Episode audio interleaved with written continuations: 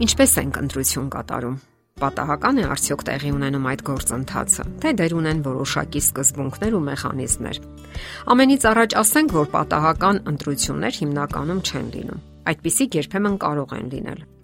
սակայն օրինաչափ չեն։ Իսկ ընդհանուր առմամբ մենք ունենք չափորոշիչներ, որոնցով առաջնորդվում ենք մեր որոնումներում։ Իթիպ սայլ նախընտրությունների կարևոր է այն, որ մենք չենք ցանկանում միայնակ մնալ ինչպես նաև ցանկանում ենք գտնել մեկին, ով հրաշալիորեն եւ ներդաշնակ կլրացնի մեզ։ Ցանկանում ենք գտնել մեկին, ով կլրացնի այն որակները, որոնք բացակայում են մեր մեջ։ Այս դեպքում ուժեղ անznավորությունները կարող են որոնել քնքուշ ու մեղմ անznավորության, եւ ընդհակառակը թույլ անznավորությունները կարող են որոնել ուժեղ եւ կամային անznավորությունների, ովքեր կարող են օգնել կենսական պայքարում ապրելու եւ դիմանալու համար։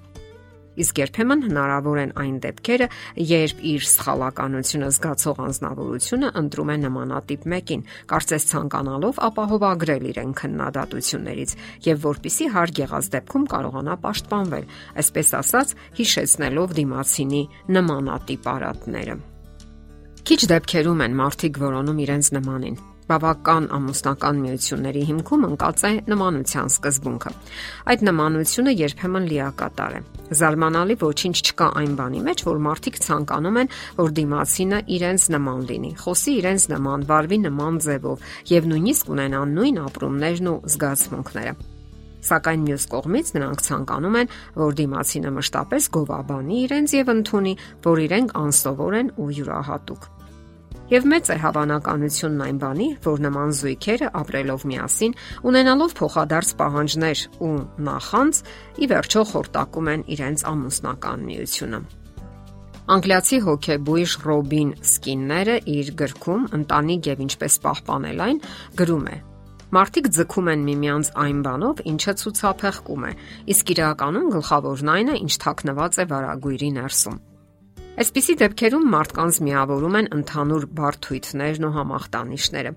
Մարդը կարող է ասել. Ես սիրում եմ ուրախ անznավորություններին, իսկ ահա ձանձրալի ու տխուր մարդ կանց տանել չեմ կարողանում։ Եվ ընտրում է այնպիսի մեկին, ով անընդհատ ուրախանում է սակայն երկուսն էլ հոգու խորքում անհանգստանում են եւ ներքուստ համապարփակ ամայություն ու դատարկություն են զգում։ Եվ ահա ամբողջ ժամանակ ուրախանում են, որpիսի թաքցնեն այն։ Ուշագրավ տեսակետ է արտահայտում ֆրանսիացի հոկեբան Ժան-Կլոդ Կաուֆմանը։ Նա գրում է, որ յուրաքանչյուր մարդ նման է միայնակ ճգնավոր խեց գետնի Մեր անznավորությունը դատապարտված է հավերժ պարփակվելու իր խեցու մեջ եւ այնտեղից դուրս պրծնելու միակ հնարավորությունը սիրելի մարդուն վստահելն է միմյանց դուր գալը։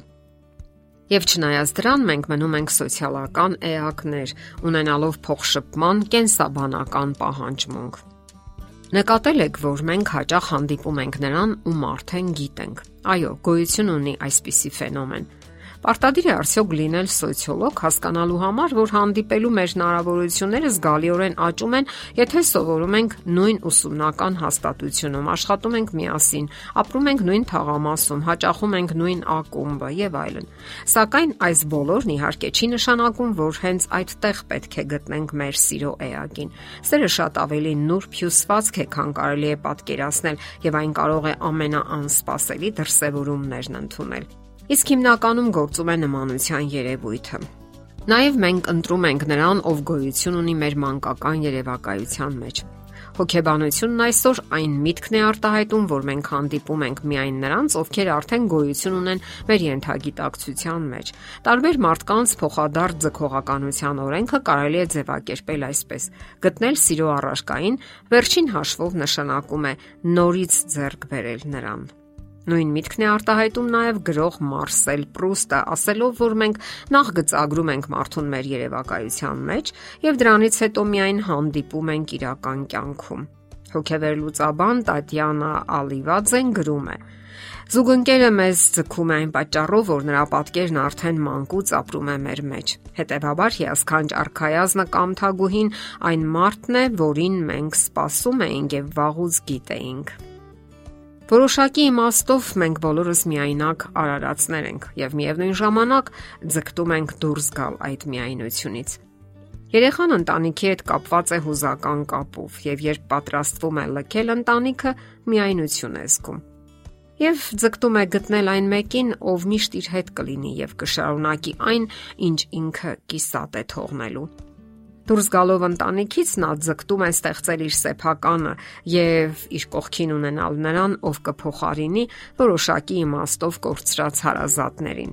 Նա որոնում է, որպիսի գտնի նրան, ով կուղեկցի իրեն ողջ հետագա կյանքում, կոգնի ու կսատարի։ Միգուցե հենց դա է պատճառը, որ շատ սիրահարներ սիրում են ասել. Ես կարծես վաղուց գիտեմ նրան։ Տեսել եմ ու հանդիպել։ Նա այնքան հարազատ է ինձ։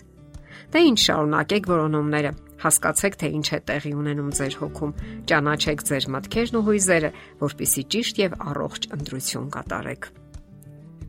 Եթերում է ճանապարհ երկուսով հաղորդաշարը։ Ձեզ հետ է Գեղեցիկ Մարտիրոսյանը։ Հարցերի եւ առաջարկությունների համար զանգահարել 033 87 87 87 հեռախոսահամարով։